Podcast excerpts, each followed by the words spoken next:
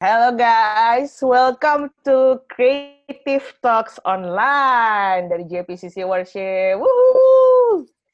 Selamat datang di webinar Creative Talks Online dengan tema How to Sing Harmony in a Worship Team. Saya Nina Sarisak, bersama saya ada vokalis-vokalis luar biasa. Saya mau memperkenalkan satu persatu speaker kita. Ada Umu Kabora. Uhuh. Umbu Kawarang. Halo-halo boleh lah, Umbu? Halo, halo, halo. Yo, Halo. Umbu Kaborang. Umbu ini uh, pekerjaannya adalah professional singer. Wow. Beliau juga beliau. Beliau juga Beliau. songwriter. Songwriter yang uh, lagunya selalu unik. Nuansa Hawa Timur gitu loh Umbu lo tuh. Lagu-lagunya. Baru rilis single. Single judulnya di rumah aja kayak kita semua. Mesti harus dengerin. Yoi, harus dengerin ya abis ini Iya. guys. Umbu melayani di JPCC sebagai worship leader. Iya, Um, udah berapa lama Bu?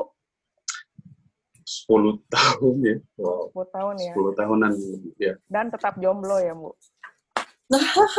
Oh, salah. Masalah di laut jangan bawa Oh, di iya. darat, Ibu Nina. Oh. Terima kasih Umbu. Berikutnya ada Winnie Jessica. Hello. Sama Ciwi ini profesinya seperti Umbu, beliau juga profesional singer, beliau songwriter yang lagunya luar biasa, lumayan banyak. Dan salah satunya apa? Coba boleh sebut salah satu, salah dua, Bu? Salah satunya eh, yang buat JPCC Worship nih. Iya, Atau apa single? Iya. Hmm. Buat JPCC Worship pada sampai akhir hidupku Oh sama ya? Cipta ini Kamu yang nulis? Oh ya? Oh, pura-pura nggak tahu dia. sama Cipta ini nggak sendiri sih, bareng sama Billy, sama Sheila, sama gitu ya? Sama Priscilla. Ah, ah, Gitu. ah, ah, Priscilla, yap, yap. Hmm, Oke, terus Winnie juga. Kerjaannya, oke, Immanuel juga. Ini, eh, Winnie juga kerjaannya sehari-hari sebagai vocal director. Oke, Winnie juga melayani sebagai Oh. worship leader di JPCC. Udah berapa tahun ya, Winnie? Dari 2005 berarti berapa tahun tuh? 15 ya? 15 tahun ya? 15 15 Hmm. tahun. Oke. Tepuk tangan buat Winnie. Yeay. Oke. Berikutnya ada lagi em, Yola Theodora sama profesinya juga professional singer. Beliau juga seorang vocal director, vocal coach. Semuanya berbau-bau vokal. Wow. Wow. Melayani juga berbau-bau vokal. Nah, gue mau nanya nih teman-teman. Gimana sih awal-awal lo sadar bahwa lo tuh bisa nyanyi dan akhirnya lo seriusin talent ini? Talenta ini. Mungkin Umbu gimana, Bu? Kalau gue sih awal itu pastinya masih masih kecil sih sebenarnya. Maksudnya sebenarnya pengaruh musik itu dari keluarga. Keluarga itu sangat berperan penting eh, untuk saya pribadi, eh, gue pribadi sangat berperan penting untuk eh, membawa lu itu menyukai musik itu dari keluarga. Jadi eh, karena semua di rumah itu suka musik, mulai terbawa, maksudnya mulai ada keinginan untuk uh, mendengar lebih banyak musik, lebih menikmati musik, bahkan musik-musik jadul yang pernah diputerin setiap sore di rumah itu, ya masih nempel sampai sekarang gitu. Terus mulai dari situ kayak tertarik untuk coba bernyanyi. Dan mulai perlahan-lahan mulai mengikuti nadanya uh, itu baru belajar sendiri. Jadi kayak mulai ingat uh, bagian-bagian uh, lagunya nadanya dari verse chorus dan seterusnya. Iya pelajarinya dari dari dari rumah sih. Keluarga sangat berperan penting menurut saya. Benar-benar. Kayak keluarga keluarga tuh yang nularin musik pertama kita, cinta pertama kita. Benar. kan? Bener gak? benar Yo, itu setuju banget gue. setuju iya Pasti kalian juga gitu, lagu yang bokap, nyokap, papa, mama dengerin pasti akan nempel sama lu sampai tua kayaknya. Benar-benar banget, benar banget. Terus, em, kalau Winnie gimana, Win? Kalau misalnya aku sih dari kecil emang uh, Wow. karena papaku kan choir conductor gitu. Uh, yang biasa mimpin paduan suara gitu. Jadi dari kecil udah diajar nyanyi. Jadi kalau fals dikit langsung diomelin. Fals dikit tadi uh, apa namanya dulu paling serem sama bokap gitu. Soalnya Fals dikit dimarahin, fals dikit dimarahin kayak gitu. Karena biasanya kan dijadwalin solo di gereja kan, anak kecil gitu. Terus ikut uh, choir sekolah minggu juga sempat hmm. gitu. Terus uh, apalagi ya ikut vokal group dari dulu gitu. Dari uh, aku di gereja lama sih dari kecil soalnya kan. Hmm. Jadi hmm. memang uh, belajarnya kayak gitu. Habis itu gede belajar sendiri, belajar sendiri gitu Oke, menarik banget ya. Jadi Umbu sama Win ini ada kesamaan, belajarnya dari lingkungan dan keluarga. Benar banget. Kalau Yola hmm. gimana Yola? Uh, kalau gue sebenarnya dari kecil bukan tipe anak yang udah bisa nyanyi gitu loh. Jadi gue tidak menemukan waktu itu gue tidak menemukan kalau gue tuh bisa nyanyi gitu. Cuman dari kecil uh, kan udah ke gereja, jadi paling kayak hmm. dengerinnya ya kalau bokap nyokap dengerin lagu gereja ya dengerin juga lagu gereja gitu kan sampai pas sekitar kuliah gitu gue termasuk yang telat telat sih mulai nyanyinya jadi pas pas mulai kuliah terus teman-teman satu komunitas di gereja itu mereka bikin band bikin lagu terus abis itu kita sering nyanyi sering perform terus akhirnya gue menemukan bahwa oh ternyata gue punya passion ya di di bidang nyanyi terus oh ternyata gue bisa juga ya nyanyi nah sejak saat itu gue menemukan kayaknya uh, itu nyanyi itu salah satu hal yang kayak Tuhan taruh di hidup gue dan gue pengen ngembangin. Nah dari situ gue niat banget karena gue tahu banget emang ini dinyanyi, jadi gue niat banget gue ngeles gitu. Jadi uh, apa jarak tempuh yang jauh pun gue gue jalani gitu kayak dari dulu du, dulu gue uh, rumahnya di Jakarta Utara terus gue ngeles di Jakarta Selatan tapi oh. emang niat karena karena uh, yakin banget gitu. Luar nah, biasa. jadi gue berkembang berkembang dari les, dari situ uh, ketemu macam-macam komunitas dan belajar dari terjun langsung sebenarnya. Gitu. Sungguh inspiratif kisah hidup lo. wow. Jadi menarik nih teman-teman. Jadi pengalaman uh, bernyanyi, background belajar musik dari ketiga narasumber kita ini berbeda-beda. Kalau Yola, Yola tadinya nggak nggak ada interest ke sana. Baru udah gedean aja nih, udah remaja, mulai-mulai jatuh cinta, jadi pengen nyanyi gitu kan. Uh, jadi dia mulai belajar nyanyi mulai dari puber gitu. Saya rasa pasti dari teman-teman juga banyak yang kayak gitu. Jadi awalnya nggak sadar punya bakat nyanyi, eh tahu-taunya ada mulai tumbuh rasa suka, rasa cinta, nyanyi, terus baru hmm, cari cara gimana bisa berkembang lebih banyak lagi. Jadi kalau saya simpulkan, ini Umbu nih orang otodidak.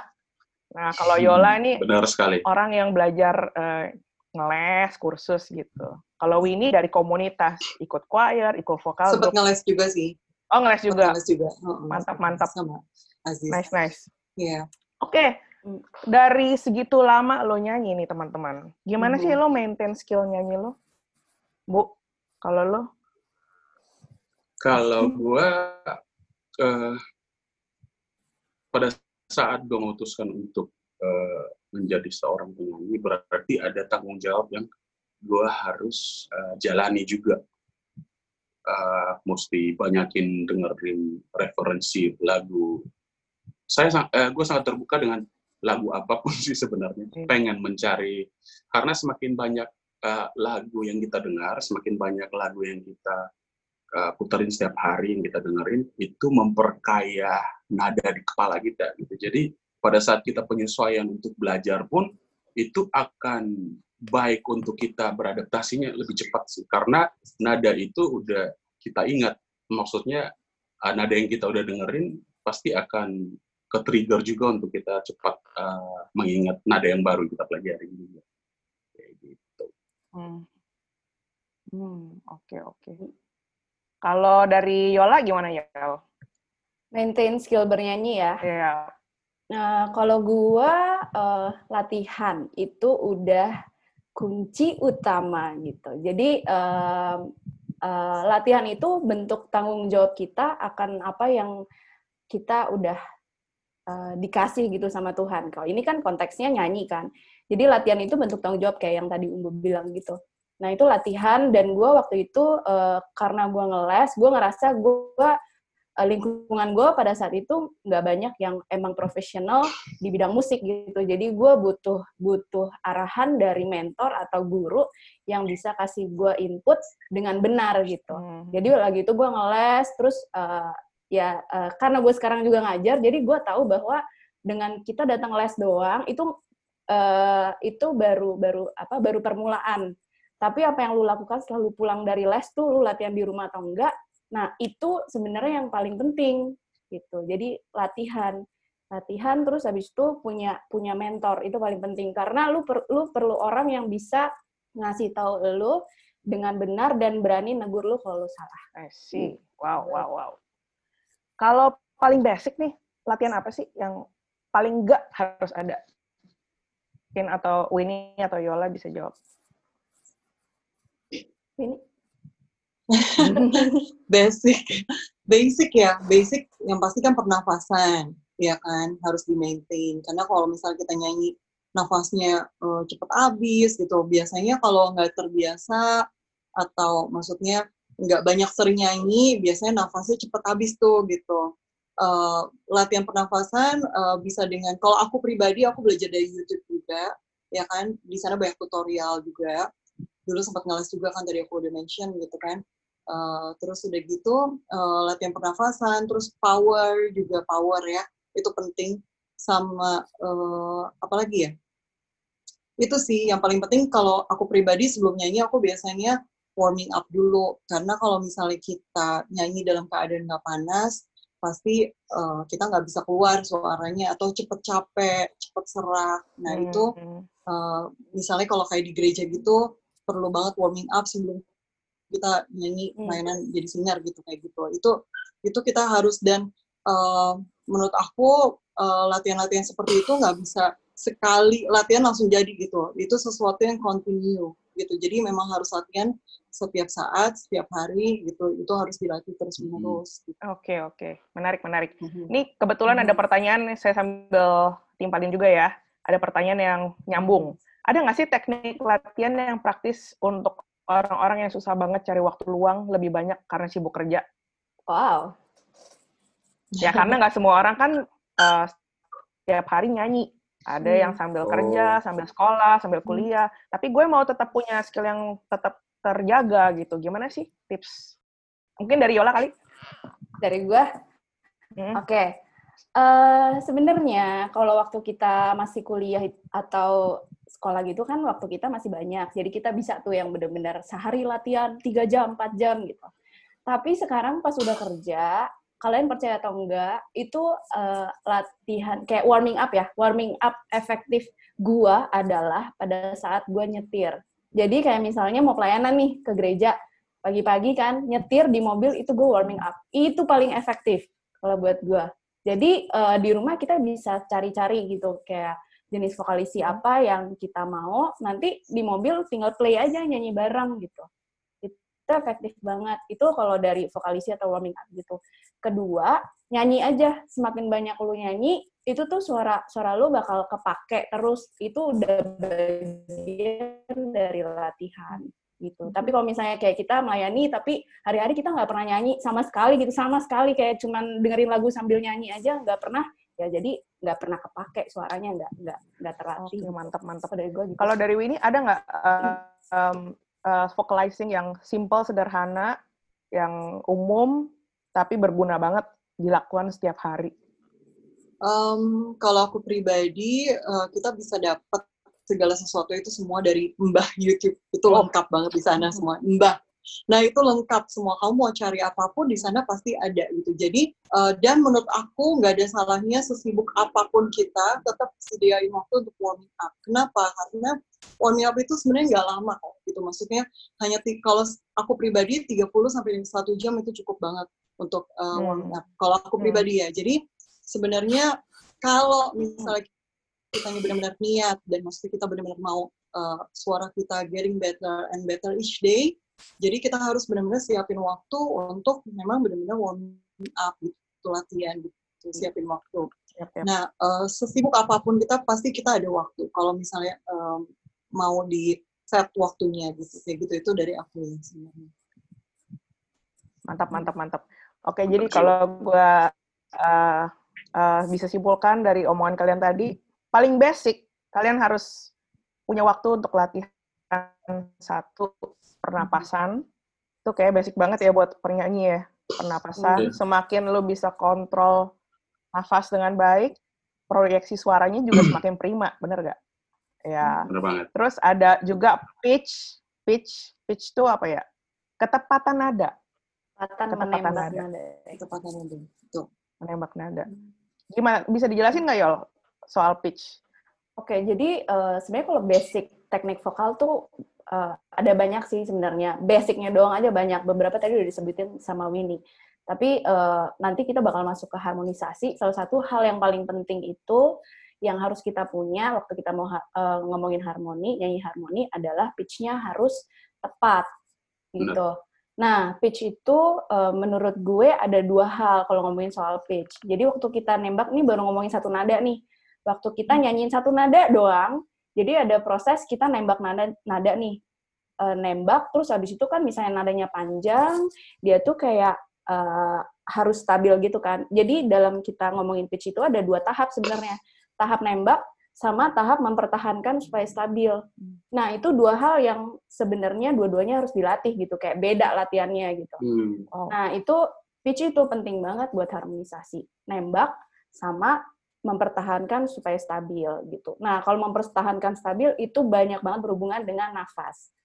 Banget banget gitu. Kalau nembak eh, nafas juga bisa, tapi kadang-kadang kan kalau nembak nadanya terus nadanya nggak panjang kan nafasnya juga nggak perlu banyak-banyak banget gitu kan. Gitu. Nangkep nggak sih maksudnya? Gitu. wow, keren-keren. Ya gitu. Pitch. Jadi nggak cuman masalah nyanyi bener aja melodinya, ada mempertahankan kestabilan juga ya. Hmm, betul. Penting-penting, penting banget.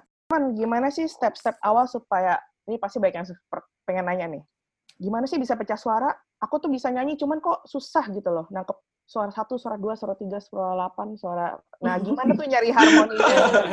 Bikin harmoni. Soalnya aku nggak ngeles, Kak. Aku nggak ada yang ngajarin. Gimana sih mulai dari mana? Baby step itu apa? Nah, gimana, Bu? Gue dari sisi otodidak. Asik. Gue pelajarin sendiri uh, semua uh, su- su- uh, harmoni suara ya, maksudnya uh, suara satu, eh, suara dua, suara tiga. Itu awal-awalnya itu ya kita mesti suka nyanyi dulu ya sebenarnya. Maksudnya uh, semuanya berawal dari kita harus uh, suka bernyanyi dulu. Di saat lu ada kecintaan uh, di dalam bernyanyi, pasti uh, penyesuaian itu akan lebih cepat. Hmm. Jadi jadi uh, mendengar banyak musik, terus uh, jadi intinya kita udah udah tahu suara satu yang mana. Jadi uh, pada saat kita bernyanyi, misalnya contoh ada satu lagu yang uh, kita dengar kok ada ada jenis suara yang uh, bergabung yang menghasilkan uh, bunyi yang indah gitu. Berarti itu itu kan harmoni. Jadi gue berusaha untuk uh, mencoba menirukan suara itu. Sebenarnya gue belum tahu ini suara dua apa suara tiga, tapi gue coba untuk berusaha uh, mendengar uh, nada itu gitu. Jadi coba ngikutin, ngikutin. Karena semakin sering uh, gue ngikutin nada itu, bisa gitu. Jadi kayak dengan sendirinya bisa bisa kita bedain mana suara satu dan suara dua. Itu secara pribadi saya, maksudnya banyak dari masing-masing kita mungkin menemukan cara yang berbeda juga. Hmm. Kalau saya sih seperti itu. Jadi semakin mendengarkan referensi musik yang banyak pecahan suaranya, semakin boleh dibilang semakin lebih cepat juga kita penyesuaian untuk belajar harmoni. Wow, Seperti itu. mantap, Bu. Kalau dari saya. Oke, oke. Kalau dari yang nggak otodidak nih, bahan ngeles lu apa, Yol? Nah, oke. Mungkin gue Baby step supaya ya. bisa harmoni. Oke oke, gue sekalian cerita pengalaman Boleh. ya, kayak eh, jadi eh, kan kita sering lihat ya, kayak ada orang-orang yang kayak dari dari kecil dia bisa tiba-tiba aja udah bisa pecah suara gitu kan. Nah, gue bukan tipe yang kayak gitu. gue nggak nggak nggak kayak gitu. Nah, gue percaya eh, apa gue yakin banget kenapa mereka bisa kayak gitu karena mereka dari kecil udah dengerin kayak gitu entah kayak keluarganya sering nyanyi pecah suara atau dengerin hmm. apa gitu pasti dari apa yang mereka dengar. Nah kalau gue karena gue dari kecil nggak kayak gitu, yang gue lakukan adalah uh, pertama uh, gue menyadari bahwa belajar nyanyi, teknik nyanyi, teknik vokal itu sangat berbeda sama harmonisasi. Jadi itu kayak dua skill yang oh. beda gitu. Jadi kadang-kadang ada beberapa murid gue juga nanya, kan mau belajar pecah suara gimana? Oke, okay, pertama lu harus benerin dulu teknik vokal lo. Karena itu itu pelajaran yang beda gitu. Uh, teknik vokalnya basic basicnya banget gitu kayak tadi udah dikasih tau basic basic teknik vokal. Nah minimal kalau kalau pecah suara lu pitch-nya harus benar, harus stabil nyanyinya gitu kan. Nah, basic vokalnya udah ada, baru kita belajar pecah suaranya. Karena pecah, uh, kalau nyanyi itu, teknik vokal itu semua berhubungan dengan apa yang kita keluarkan dari uh, dari pita suara kita gitu kan. Tapi kalau harmoni itu uh, kebanyakan itu adalah tentang mendengar, wow. tentang hearing gitu. Jadi itu dua hal yang beda, yang keluar dari mulut sama yang dilakukan sama kuping gitu mendengar gitu. Nah, jadi uh, itu harus ngerti dulu perbedaannya. Teknik nyanyi sama hearing yang akan dipakai untuk harmoni harmoni itu bikin harmoni itu beda. Nah, kalau yang gue lakukan pada waktu itu adalah waktu gue pertama belajar pecah suara, uh, gue tuh uh, ngebayangin kayak kayak anak kecil, anak bayi baru mulai bisa ngomong, uh, mereka kan pasti diajarin kan sama orang tuanya gitu. Ayo coba ikutin mama gitu nggak bisa gitu. Tapi akhirnya mereka bisa gitu hmm. ngomong mama. Nah itu ternyata itu yang terjadi sama pecah suara dari pengalaman gue ya. Jadi kalau dulu gue belum bisa gue ngikutin. Jadi uh, diajarin sama kakak gue diajarin sama guru gue diajarin sama uh, komunitas gue yang secara skill musik lebih bagus kakak kakak mentor gue ajarin gue Yola nih suara dua begini nih ikutin ya gitu. Jadi benar-benar kayak baik gitu lu denger lu ikutin lu denger lu ikutin gitu. itu step pertama. Terus lakuin terus sampai akhirnya secara musikalitas kita kebangun hmm. gitu. Dari situ akhirnya uh, kalau kalau musikalitas kita udah kebangun akhirnya kita bisa mengeluarkan sendiri dengan natural gitu. Karena udah terbiasa. Gitu sih kalau gua. Wow keren yo mantep mantep Ciwi, Ciwi nih mau nambahin? Kalau aku pribadi sih aku suka banget dengerin lagu-lagu yang memang uh, secara harmoni di telinga aku tuh bagus banget gitu. Hmm. Jadi aku latih uh, dengerin lagu-lagu seperti itu dulu. Um, kalau aku boleh cerita ya dulu waktu aku belajar pecah suara tuh awalnya cuma bisa suara tiga gitu. Itu pun belajar dari uh, kayak aku vokal grup gitu dan di situ ada pelatihnya. Aku nanya-nanya banyak dan nggak boleh nyerah gitu kuncinya. Pokoknya kita harus terus nanya gimana ini gimana kak, ini gimana kak, ini gimana. Cari orang yang mentor yang memang uh, benar-benar udah uh, jago gitu kerja suaranya gitu. Kita harus belajar dari mereka gitu. Dan harus humble juga, jangan uh, jangan misalnya kalau dikasih tahu dia lebih jago dari kita terus kita nggak mau terima gitu. Jadi uh, kuncinya salah satunya adalah humble juga untuk bisa dikasih tahu kayak gitu. Jadi kita dengerin mereka, kita dengerin jangan cuma satu kakak, beberapa. Jadi kita dapat beberapa uh, informasi gitu. Mm -hmm. Dan terus uh, kalau aku pribadi aku dulu belajar dari album-album The Worshippers yang dulu dari zaman pakai kaset. Jadi kalau misalnya salah, kalau misalnya uh, aku dulu dengar uh, tak ingin, oh itu lagu siapa ya? Arkijo. Ingin pergi luar kasihmu. Ya itu. Nah itu oh sama oh uh, bagaikan tutur kata. Oh ya aku ya tutur kata. Bagaikan air. Nah itu aku belajar pecah suara di situ bagus banget, bagus banget. Aku pelajarin itu salah sedikit salah sedikit aku ulang lagi puter tuh pakai pensil 2B ulang dari awal wow. ulang dari awal aku ya ulang ulang dari awal album jadi wow. kadang-kadang salah puter side A harusnya di side A aku puternya di side B. Jadi ulang lagi. Jadi kayak belajarnya tuh perjuangan banget. Kalau sekarang tuh kita bersyukur banget karena ada teknologi yang terima kasih teknologi. Iya thank you teknologi ya kan? Ada yang YouTube lah ada ada ada segala macam alat-alat yang kita yeah. bisa pelajarin gitu. Yeah. Iya. uh, kuncinya adalah menurut aku eh, nggak uh, boleh nyerah tetap uh, disiplin. Jadi kita harus uh, rajin tanya. Pokoknya eh, ada yang bilang generasi yang pakai kata angkat tangan. gue gue langsung ketawa gitu Iya. Jadi eh, itulah kuncinya gitu. Kuncinya mau terus belajar dan siapin waktu. Gitu sih. Oh, Mantap. gue seneng. Jadi kangen masa-masa dengerin kaset ya. Iya. Motor kaset gini. Dulu, tapi gini, dulu ya, kita kalau dengerin kaset tuh bisa satu album hafal, tau nggak? Dari track satu ke track Hmm. berikutnya hafal. Lagu apa abis ini, lagu apa abis ini. diputer, Karena nggak gampang di skip ya. iya bener-bener Udah gitu, eh, belinya kan nabung ya, Pak. Jadi kan nggak mau Bener, rugi ya. bener. Jadi dengarnya berulang kali.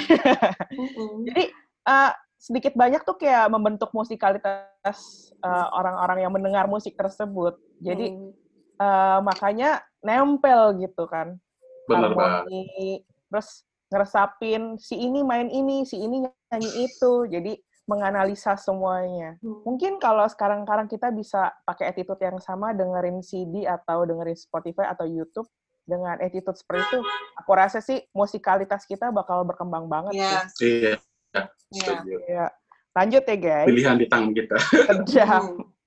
Eh. Terus masih ngomongin soal harmoni aku boleh nambahin boleh banget bu. Nah, Silakan. jadi eh, kan eh, banyak dari kita musisi nggak, eh maksudnya penyanyi nggak semuanya bisa main alat musik kan, Hmm. gitu. Nah, jadi gue juga waktu pertama gue nyanyi, gue nggak bisa main alat musik. Tapi akhirnya gue menyadari bahwa, wah ternyata kalau gue bisa main alat musik minimal dikit aja, itu kayaknya bakal ngebantu banget buat nyanyi gue, gitu. Minimal lu tahu basic lah gitu misalnya notasi, eh uh, sol- sorry solmisasi, terus habis itu lu, lu bisa main piano sedikit, misalnya main chord, umbu bisa main gitar dikit gitu kan, Hmm. itu ngebantu banget di nyanyi, termasuk kalau nyanyi harmoni gitu.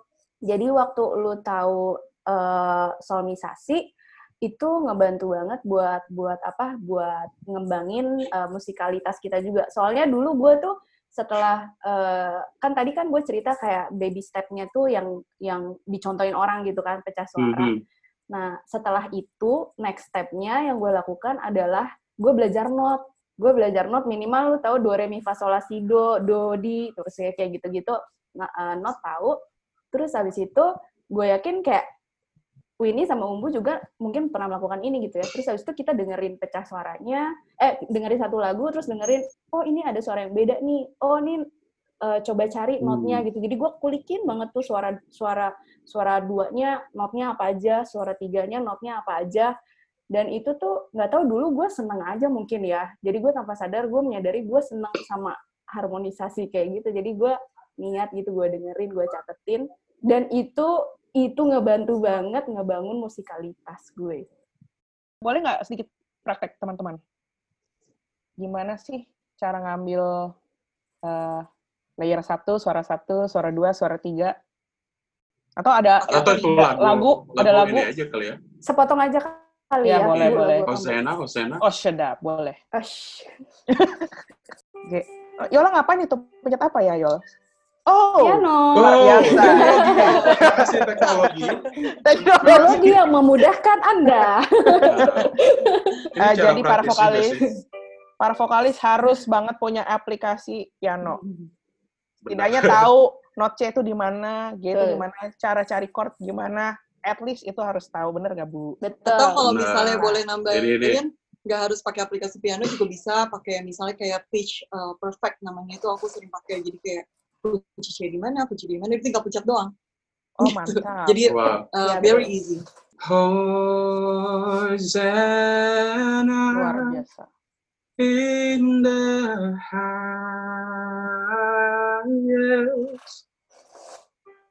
Suara duanya Yola. Oh, ya gue selalu ya. Hosanna in the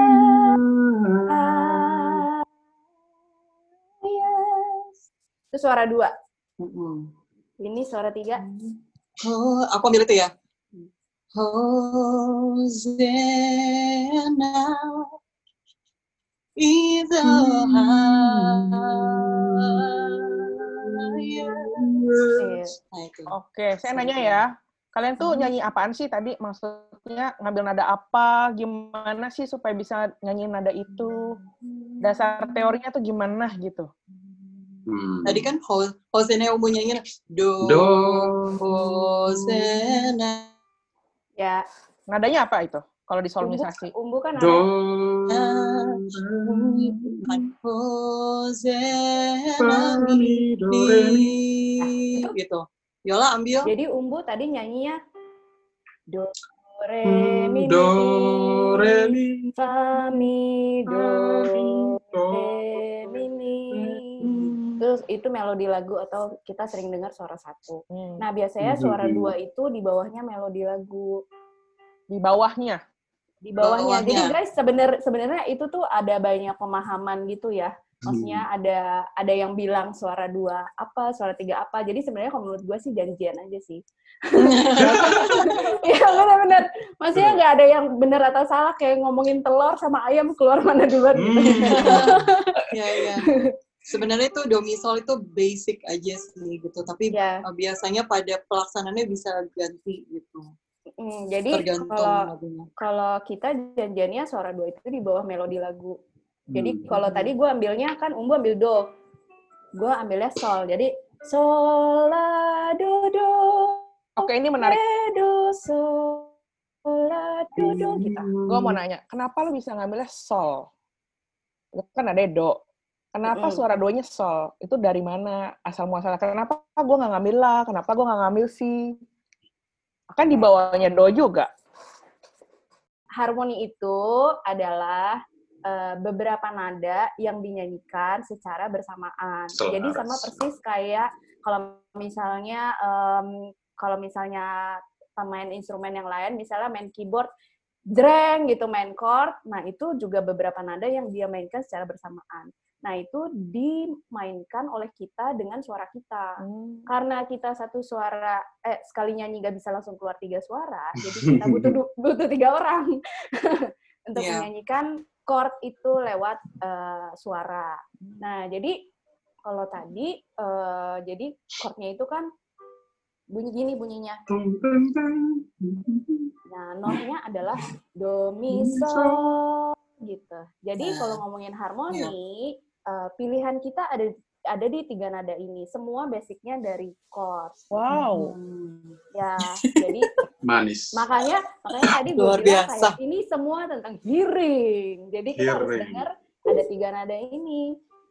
Jadi karena umbu tadi udah ambil do, jadi pilihan gue adalah ambil sol atau ambil mi. Nah, gue tadi ambilnya sol. Sol. Jadi udah ada sol, udah ada do. Nah, pilihan ketiga adalah mi. Oleh karena itu, ini tadi ambil nada mi. Mi. Gitu. Jadi kalau kita nyanyikan bersama-sama, akan ngebentuk chord. Gitu. Wow. Mantap, mantap. Gitu. Wow.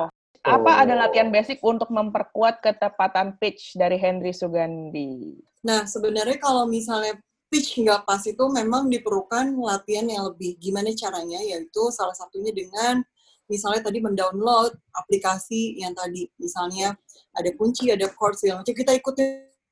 Yang ada yang kita download itu, aplikasi yang kita download itu sama nadanya, kayak gitu. Dan kita bisa juga ikutin eh, eh, dari, kalau aku pribadi, aku ikutin eh, eh, suara orang waktu orang bernyanyi gitu, kita ikutin. Dan kita perlu partner gitu yang membantu kita untuk eh, untuk kita tetap on pitch gitu kayak gitu. Karena kadang-kadang kalau misalnya kita sometimes nih ada orang-orang yang eh, waktu eh, fals gitu maksudnya waktu out of pitch gak sadar gitu kalau dia out of pitch. Karena di recording juga itu bisa terjadi gitu. Nah that's why kalau di recording biasanya diperlukan vocal director gitu untuk dengerin ini fals atau enggak. Hmm. Dan kalau misalnya kita punya teman gitu maksudnya teman kita yang jago nyanyi juga dia bisa kasih tahu bisa kayak gitu juga Mungkin lebih eh, belajar lagi untuk memperlebar eh, range vokalnya kita gitu. Itu sangat penting juga untuk apa mencapai na- nada-nada mungkin ada di satu lagu itu memang dia lebih tinggi dan dan kita eh, perlu belajar untuk bisa sampaikan nada itu ada proses yaitu eh, belajar untuk lebarin range vokalnya kita itu sangat membantu karena bisa penyesuaian kita akan lebih cepat untuk untuk belajar nada tersebut. Menurut gue sih seperti itu. Oke. Bagaimana membedakan suara dua dengan suara tiga bawah tadi sudah dijawab. Sebenarnya seperti ayam dan telur, nggak ada yang dibilang suara dua nih yang ini, suara tiga ini. Secara Resikonya teori iya. membuat gimana tuh. Win? Boleh nambah dikit nggak? Boleh. Yang tentang tentang tadi harmoni. Oh. Karena gue belajar sendiri tentang harmoni, kadang itu pecahan suara dua atau suara tiga dua itu terbilang mungkin uh, sedikit berbeda dari patokan yang sebenarnya sih. Dan gue senang banget untuk mencari bunyi-bunyi yang lain gitu dari misalnya dari suara dua itu kayak uh, ada bunyi-bunyi yang harmoni yang lebih lebih luas lagi dan lebih menurut gue lebih unik itu gue itu bebas-bebas aja menurut gue ya untuk bisa mencari pecahan suara yang unik sih gak harus patokan gitu kayak Hmm. ngikutin persis dan segala macam Oke, ini menarik, Bu. Tadi lu ngomong Mhm. soal unik ya. Aku jadi teringat sama istilah pecah batak. Kalau pecah batak itu adalah, ya itu, bener nggak sih? Do, mi, sol, membuat sebuah akord gitu kan. Hmm. Ya itu istilah dari mana-mana lah ya. Pecah batak sesuatu yang sifatnya ngikutin chordnya, align gitu kan. Nah, ini menarik banget banyak pertanyaan soal seputar pelayanan WL dan singer nih teman-teman. baik Menarik sekali. Memang ini juga jadi bahasan kita juga sih teman-teman. Mungkin eh dari Kak Umbu, boleh nggak cerita apa sih biasanya yang jadi isu isu di pelayanan vokalis di gereja ini? kalau pertama kali sih sebenarnya begini dari yang terpenting adalah karena kita nyanyi bukan nyanyi sendiri kita bergrup bersama-sama teman yang lain pelayan yang lain. Di sini butuh kedewasaan. Di sini sa- eh, sangat-sangat butuh kedewasaan kita untuk bisa beradaptasi pada saat kita mungkin berlatih bersama.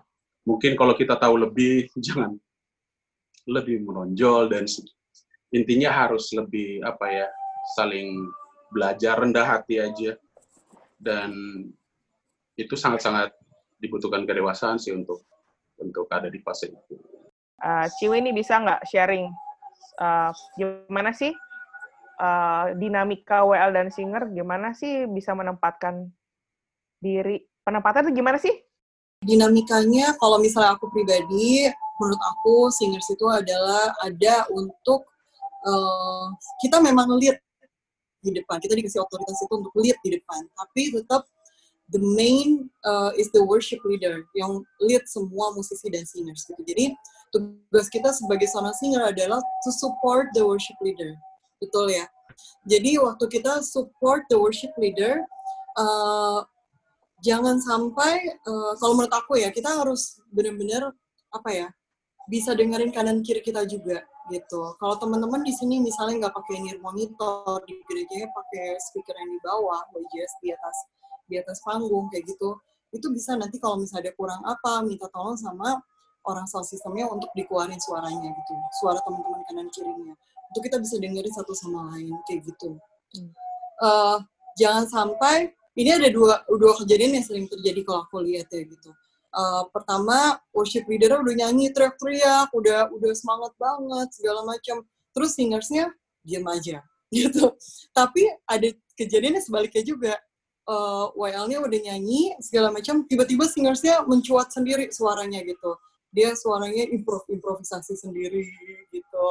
Waktu lagi worship lebih kencang suaranya dari worship leader gitu. Jadi maksudnya uh, apa ya nanti jemaat tuh akan bingung gitu ini yang ngeliat siapa ya sebenarnya kayak gitu jadi menurut aku kita sebagai singers uh, harus tahu menempati posisi kita sebagai singers gitu to support the worship leader kayak gitu kayak gitu sih kalau itu menurut aku ya itu yang sering hal-hal yang sering terjadi Oke. Kalau dari Yola gimana Yol? Um, kalau dari gua, um, gue tuh setuju banget sih kayak kedewasaan dalam bernyanyi itu penting banget. Soalnya di mana pun ya, nggak cuma di gereja. Kayak tadi kan ada yang nanya kalau kita nyanyi di luar gimana.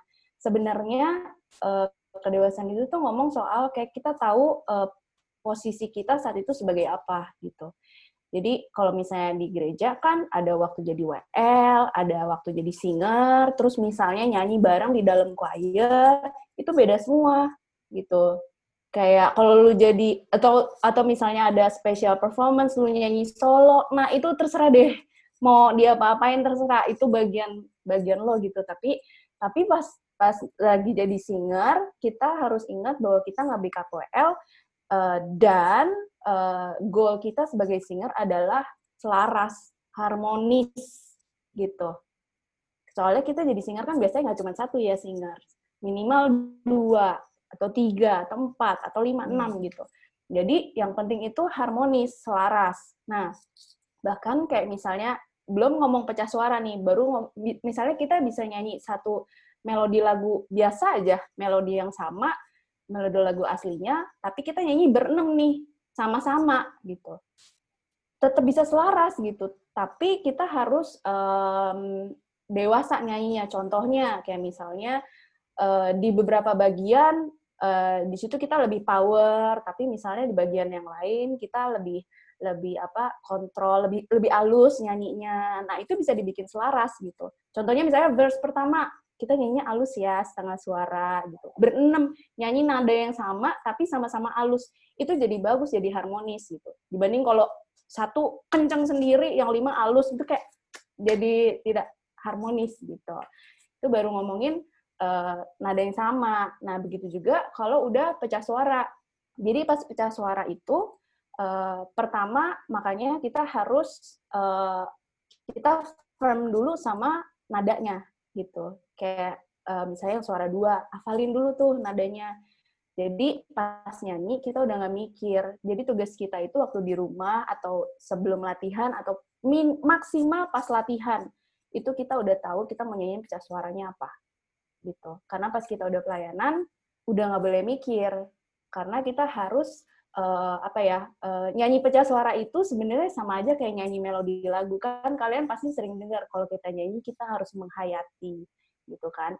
Nah, pecah suara walaupun walaupun harmonisasi doang, tapi kita juga harus bisa menghayati gitu. Jangan mikir nadanya. Nadanya tuh udah nggak boleh mikir. Itu kalau udah pas pelayanan kita udah harus bisa menghayati. Jadi bisa harmonis gitu. Kalau masih mikir ya lebih susah untuk harmonis. Oke. Okay. Uh, gitu. um, gue nyambungin ya dari hmm. dari omongan Yola tadi. Siapa sih yang kira-kira uh, berperan untuk ngaturin semua ini kan nggak mungkin semuanya punya inisiatif masing-masing kan. Hmm. Jadi uh, pasti banyak pertanyaan kan, ini kok kayaknya Riwah uh, bingung juga siapa yang bisa ngatur. Nah kalau singer 6 masing-masing udah prepare dengerin lagunya di kaset atau CD. Aku udah dengerin kok, aku udah latihan, udah sendiri, tapi waktu nyanyi bersama-sama kok jadinya buyar ya, hmm. ambiar gitu. Nah, gimana sih cara menyiasati tim kita ini, worship tim kita ini supaya nyanyinya tertata dengan baik dan apik? Ya, sebenarnya sih itu uh, tugasnya vokal director ya. Tapi kan nggak semua gereja punya orang yang uh, berkapasitas. berkapasitas sebagai vokal director. Karena udah ngomongin itu, itu udah ngomongin tentang aransemen lah, lebih ke arah kayak gitu ya. Minimal belum nadanya deh baru baru kencang lembutnya gitu itu udah bagian dari semen gitu karena ngebayangin kan di sini halus di sini kencang gitu nah um, sebenarnya um, ya itu fungsinya vokal director. Kalau misalnya belum punya um, sebenarnya kalau kayak pianis atau pemain musik yang lain kalau kita ngerasa uh, dia punya kapasitas kayak gitu bisa juga bantuin kita gitu menurut gue ya karena dia juga tahu tentang pecah suara sebenarnya itu kalau udah ngomongin kayak gitu tuh udah ngomongin rasa sih udah ngomongin kayak estetikanya gitu bener nggak guys kaum bu gitu. kaum bu yang otodidak atau itu ya musik director juga bisa gimana pengalaman otodidak lo bu kan lo kan nggak nggak ngerti banyak hal yang rumit dari segi teori. Tapi gimana supaya enak gitu hasilnya? Kalau gue, kita mesti apa ya di setiap nyanyiin nyanyian yang kita nyanyiin itu harus harus kita menjiwai dengan benar juga. yang paling utama uh, lirik yang kita nyanyiin kita mesti apa namanya mesti tahu benar apa yang kita nyanyiin karena dari lirik yang kita nyanyiin itu akan menimbulkan uh, emosi dari lagu itu yang akan kita kita nyanyiin gitu jadi menurut gua belajar tentang harmoni kayak gini uh, mesti uh, mengambil rasa di dalam setiap lagu itu juga gitu. Itu sangat penting pada saat kita nyanyiin gitu. Jadi nyanyiin apa yang lu hidupi, hidupi apa yang lu nyanyiin. Wow. Dia ngomong sendiri, dia wow sendiri. oh iya. itu pasti orang kudus. Luar biasa. Luar biasa. Mantap, Bu. Uh, ini ada pertanyaan yang sering muncul nih, teman-teman. Kalau di kaset, yang nyanyi itu cowok, cowok. Kaset. Cowok ya. Terus lagu itu dibawakan di gereja kita, WL-nya perempuan, cewek. Range-nya beda dong. Nah, hmm. padahal nih singer nih udah ngafal mati nih. Aku nyanyi ini. Eh, nada dasarnya diganti jauh. Nah, gimana tuh? Gimana cara menyiasatinya ibu-ibu dan bapak? Butuh ya. kedewasaan. Lagi-lagi. um, kalau aku pribadi sih uh, apa ya kita harus serba well prepare gitu maksudnya uh, kita harus pelajarin bukan cuma salah satu suara doang jenis suara doang misalnya suara duanya doang atau suara tiganya doang tapi kita harus pelajarin semuanya jadi begitu uh, worship leader ganti nah itu maksudnya worship leadernya misalnya harus pindah kunci pindah uh, nada dasar kita udah bisa uh, ngerti. Tapi gini, sebenarnya kalau misalnya worship leader, uh, kita udah tahu dari jauh-jauh hari, dan pas lagi latihan kita bisa latihan bareng. Benar ya? Gitu. Hmm. Nah, tapi yang sering terjadi adalah misalnya ada pastor, uh, tamu datang, uh, dan dia mau nyanyi satu lagu, dadakan. Gitu. Nah, kalau menurut aku, kalau memang kalian uh, udah well prepared segala macam gitu, memang tahu lagunya dan kalian bisa nyanyinya, ya kalian nyanyi aja. Tapi kalau misalnya memang ragu-ragu atau gimana nggak usah. Nyanyi suara satu aja. Suara satu yang penting tadi yang seperti Yola bilang kita tahu dinamikanya kapan naik turunnya gitu. Kita tetap satu suara. Karena harmonisasi uh, is not talk about only kayak pecah suara doang. For me harmonisasi itu gimana kedengarannya itu kedengaran harmonis meskipun cuma satu suara. Kayak gitu. Jadi waktu kita nyanyi suara satu rame-rame kita tetap hmm. terdengar harmonis gitu terdengar sweet gitu. Nah itu uh, that's the key gitu kayak gitu. Jadi memang uh, apa ya kalau bisa tiba-tiba dadakan hari minggu memang agak-agak uh, sulit juga ya hmm. bagi para singers kalau memang singers sih belum menguasai pecah suaranya kayak gitu. Tapi kalau memang uh, dari jauh-jauh hari sudah ada worship leadernya dan sudah tahu harus ganti uh, um, nada dasar segala macam jadi kita harus benar-benar well prepare uh, dengan data dasar yang sudah disiapkan dari sebelumnya gitu gitu. Uh, gue nambahin sedikit tentang well prepared itu ya. Jadi uh, mungkin um, buat teman-teman uh, jangan pernah ngerasa kayak uh, kalau kita belajar suara dua dan suara tiganya juga itu jangan jadiin beban gitu. Jangan kayak mm-hmm. aduh gue jadi kayak harus belajarnya jadi banyak banget gitu. Uh, jangan kayak gitu. Tapi anggap itu sebagai sesuatu uh, yang uh, lu tuh kayak apa ya itu akan menambah memperkaya, memperkaya lu betul. Hmm. kayak gitu. Jadi uh, jadi jadi jadi pelajarin itu tuh jadi jadi semangat gitu. Wah ini gue bakal musikalitas gue akan lebih terbangun gue jadi tahu hmm. lebih banyak hal. Terus tiba-tiba uh, diajarin pecah suara ih pecahnya lucu ya gitu. Jadi kayak menemukan hal-hal yang baru. Nah itu jadi kita ngejalaninnya juga bakal lebih happy. Apakah uh, singer atau pemuji harus bisa pecah suara? Oh menurut gua itu satu bonus yang luar biasa karena pada saat kita bisa pecah suara uh, ketika kita bernyanyi mungkin di tempat di tempat lain yang membutuhkan nada-nada yang uh, misalnya di harmoni itu ada yang kita bisa itu itu sangat luar biasa juga untuk hmm. untuk untuk kita juga itu bermanfaat untuk kita bisa memperbanyak uh, harmoni yang baru lagi kita pelajari gitu. Jadi nggak bergantung di satu suara aja sih hmm. menurut gue seperti itu ini Kalau aku pribadi sih uh, pecah suara itu sesuatu hal yang tidak merugikan kita kalau memang kita bisa gitu kan ya. Hmm, Karena hmm. dengan punya suara tadi yang seperti kamu bilang um, memperkaya musikalitas kita. Jadi waktu kita kadang pecah suara juga uh, berperan penting dalam uh, kita menghasilkan suatu improvisasi waktu kita bernyanyi gitu. Jadi waktu kita Hmm, lead hmm, gitu kan, worship Setuju, leading setuju. gitu kan, kita bisa uh, mengeluarkan apa ya? Ada misalnya ini udah ngomongin estetika sih gitu kan. Hmm. Jadi misalnya kita tahu pecah suara basicnya seperti apa, kita bisa improvisasi dari pecah suara kita waktu kita uh, lead gitu. Pas kita worship leader atau pas lagi singer mungkin, tapi lebih banyak worship leader karena dia lead gitu. Mhm. Untuk. Iya. Untuk Jadi uh, kalau sama-sama kalau gue kalau Hmm. ngomongin pecah suara eh, Mhm. sebenarnya nggak harus nggak harus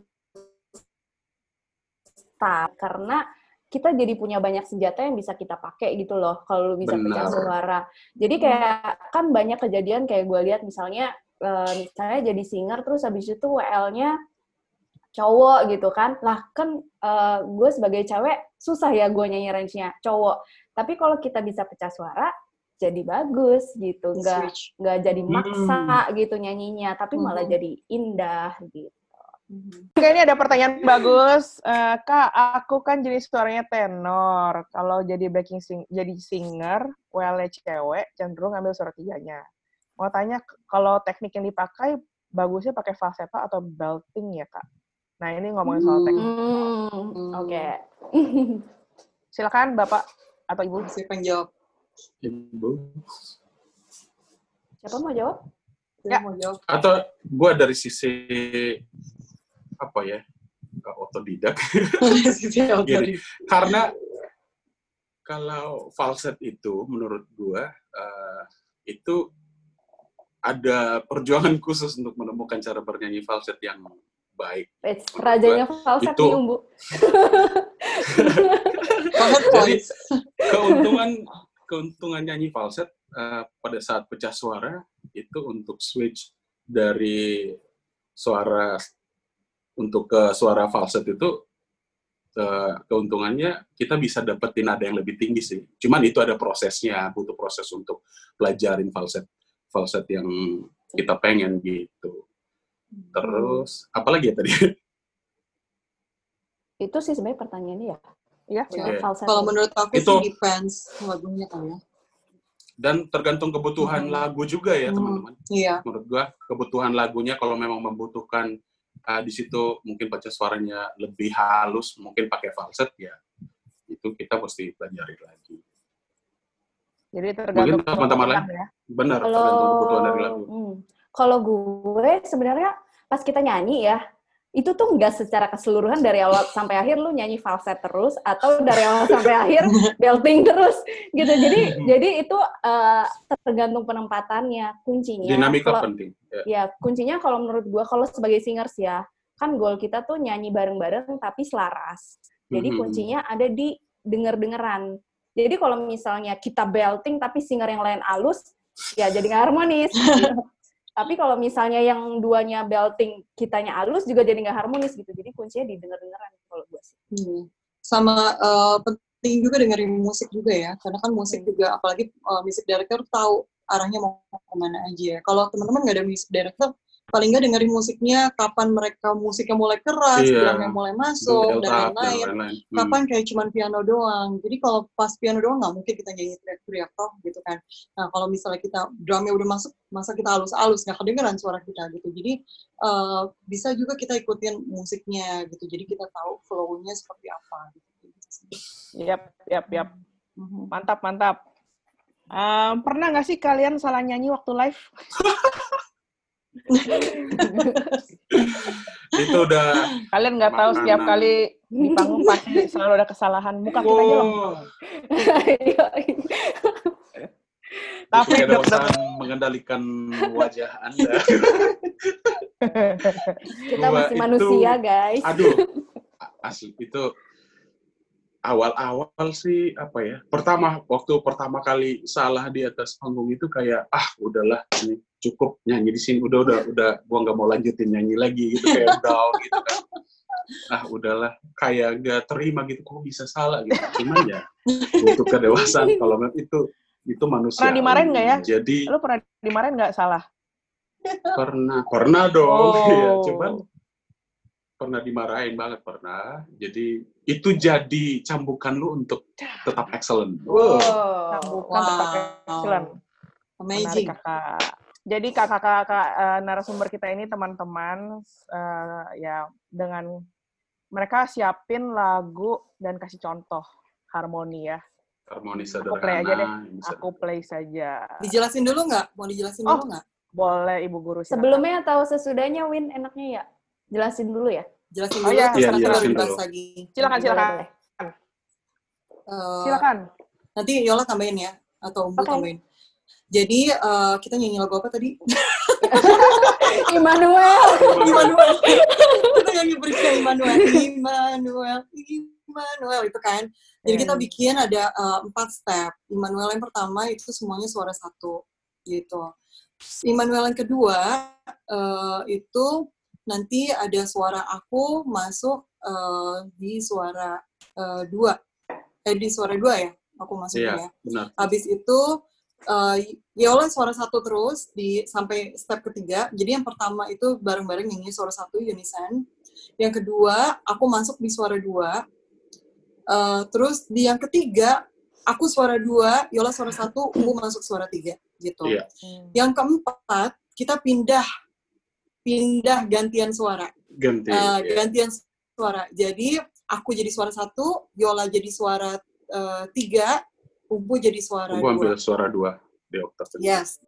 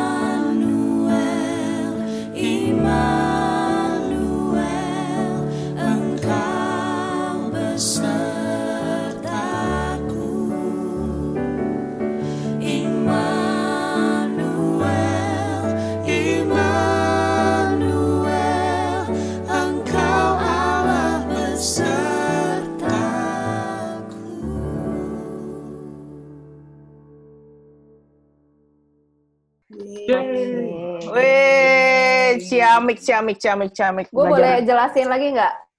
Silakan Tambahan. Ibu. Silakan. Jadi, eh, Mhm. eh sorry sorry sorry, sorry sorry.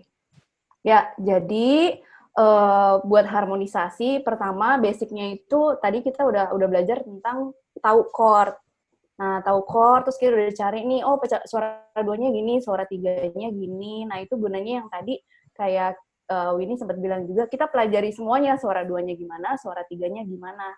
Nah, next step-nya itu ini yang kita mau dibagiin dari audio yang kita kasih ini eh, ngomongin soal aransemen. Jadi aransemen itu udah ngomongin soal keindahan. Jadi ngomongin harmoni itu bu- eh, kita nyanyi harmoni bukan karena kita nggak nyampe sama nada dasarnya guys gitu. Tapi harmoni itu untuk bikin sesuatu yang eh, bikin jadi lebih indah gitu, ada sesuatu Hmm. indah. Kalau teman-teman dengerin itu dari empat kali bridge itu itu kayak ada dimensi yang makin lama beda beda beda gitu. Nah kenapa eh, kenapa kayak gitu? Nah itu udah udah ngomongin estetika gitu. Jadi eh, jadi kayak tadi Winnie udah jelasin ya suara duanya abis itu masuk abis itu suara tiganya masuk abis itu kita pecahnya gantian. Nah itu empat kali bridge kita ngulang tapi dimensinya beda-beda rasanya beda-beda. Nah itu udah ngomongin soal aransemen dan estetika. Gitu Oke, mantap teman-teman. Terima kasih. Waktu kita tinggal Thank sedikit you, lagi. semua. Tinggal sedikit lagi. Eh, mungkin sebagai penutup, saya mau simpulkan beberapa hal dari apa yang sudah disampaikan oleh Umbu, Winnie, dan Yola. Em, Umbu tadi ngomong soal penting untuk tahu kita tuh sekarang ada di mana. Tahu kita tuh kekurangannya apa, kelebihannya apa, eh, dan kita harus tahu, eh, kita jadi tahu gitu loh harus upgrade mulai dari mana. Kalau nggak tahu, tadi Yola dan Winnie bilang lo harus punya mentor, lo harus punya coach dalam bernyanyi atau teman-teman belajar bersama untuk saling kasih tahu, lo udah bagus, lo masih kurang, lo masih fals bro. Eh, latihan lebih banyak pitch-nya gitu kan. Kadang-kadang kalau kita nggak dikasih tahu orang, kita nggak pernah tahu kita tuh udah bener belum sih, udah enak belum sih, udah tepat belum sih pitch-nya gitu. Apa yang harus kalian latih? Satu, latihan pitch, ketepatan nada, pernapasan, sama hearing, pendengaran. Banyak-banyak dengar musik. Tadi kata Mhm. Umbu, lo harus banyak dengar musik. Karena mendengar musik juga sama dengan belajar. Semakin kita banyak dengar musik, semakin banyak nada yang baik, nada baik, nada asik, nada eh, fresh yang tersimpan dalam memori kita dan bisa kita pakai ketika kita bernyanyi di waktu yang lain gitu, di lain kesempatan. Terus Yola juga ngomong eh, bisa pecah suara dan bisa nyanyi itu dua hal yang berbeda. Jadi pastiin dulu lu nyanyinya udah bener, belajarin teknik dengan baik, baru Hmm. deh belajar harmoni itu another level gitu. Jadi kita harus terus maintain itu. Nah, eh, karena kalau ngomong soal harmoni itu masalah kuping. Nah, kuping setiap kita beda-beda nih, harus dilatih. Dengan cara apa? Banyak-banyak dengar lagu, banyak-banyak nonton konser, banyak-banyak pujian penyembahan di kamar, di rumah sendiri, banyak worship, pasti keasah. Winnie bilang ada keuntungan juga bisa ngerti teori musik dasar, solmisasi tadi ya. Jadi kita bisa menganalisa uh, melodi-melodi yang kita dengar dari uh, rekaman MP3 gitu. Lalu kita jadi bisa pakai di lain kesempatan juga gitu. Nah, Yola tadi ngomong soal pakai perasaan, pakai perasaan dan gunakan seni estetika dalam bernyanyi. Pakai seni, kita kan lagi nyanyi ya. Namanya nyanyi ya berhubungan dengan seni, bukan sesuatu yang kaku, baku. Hmm. Jadi pakai pakai dirasa-rasa gitu. Kapan nado halus, tebal, lembut, tipis. Nah, dirasa-rasa. Gitu. Terus nyanyi tuh kata Yola pakai emosi. Jadi bukan cuma not bener doang, dirasa-rasa gitu ya. Em, terus selain dengerin elemen vokal, tadi denger em, Yola apa Umbu yang ngomong apa Winnie, eh, dengerin juga pemain musiknya main apa sih, chordnya, karena kan kita pecah suara ngikutin chord ya. Nah, jadi benar-benar juga eh, ber- be- eh, namanya juga harmoni, cari keselarasan, kepadanan, supaya semuanya terdengar enak, bukan cuma suara kita doang. Musisinya juga jadi enak karena ada harmoni vokal, si harmoni vokal juga enak karena ada iringan musik yang harmonis, gitu ya. Tips, saya ingetin lagi tipsnya nih, cari mentor. Kalau belum punya mentor, cari mentor. Cari di mana? Nanti bisa tanya-tanya kakak-kakak ini di DM personal aja, ada referensi nggak guru-guru atau tempat belajar yang baik. Kemudian cari orang yang bisa kasih masukan. Eh, ini bagus supaya kita jadi humble dan gak baper kalau ditegur. Punya orang yang kasih masukan. Kemudian banyak dengar lagu, belajar alat musik. Nah, kalau punya bisa belajar alat musik itu jadi sebuah uh, keuntungan karena kita punya kosakata dan bahasa baru untuk mengekspresikan apa yang kita dengar gitu. Uh, jangan lupa juga download apps yang membantu kita untuk bisa punya ketepatan dengan yang baik. Bisa dari pitch perfect tadi Winnie bilang. Kalau Yola tadi pakai piano, banyak apps piano yang gratis semuanya. Sering-sering buka YouTube, dengerin podcast, dengerin video, analisa tutorial segala macam. Jangan tunggu webinar baru pertanyaannya numpuk gitu. Jadi sering-sering cari tahu sendiri, tanya-tanya.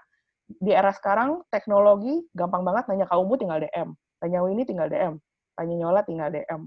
Ikut-ikut seminar seperti ini, pasti teman-teman jadi semakin lincah dan lihai. Itu saja. Um, mungkin kalau ada yang belum bisa dijawab, mohon maaf banget. Mudah-mudahan kita bisa nyambung di lain waktu. Oke, terakhir akhir kata uh, saya mau ucapin terima kasih untuk Umbu Kabora. Tepuk tangan Terima kasih, Kabora. Nina. Yay, Yola thank. Theodora, Winnie, Jessica, juga teman-teman admin dari JPCC, Jakarta Press Community Church, JPCC Worship. Thank you. Terima Thank you kasih. semuanya. Thank you semuanya. for joining with us. Bye bye. God bless you.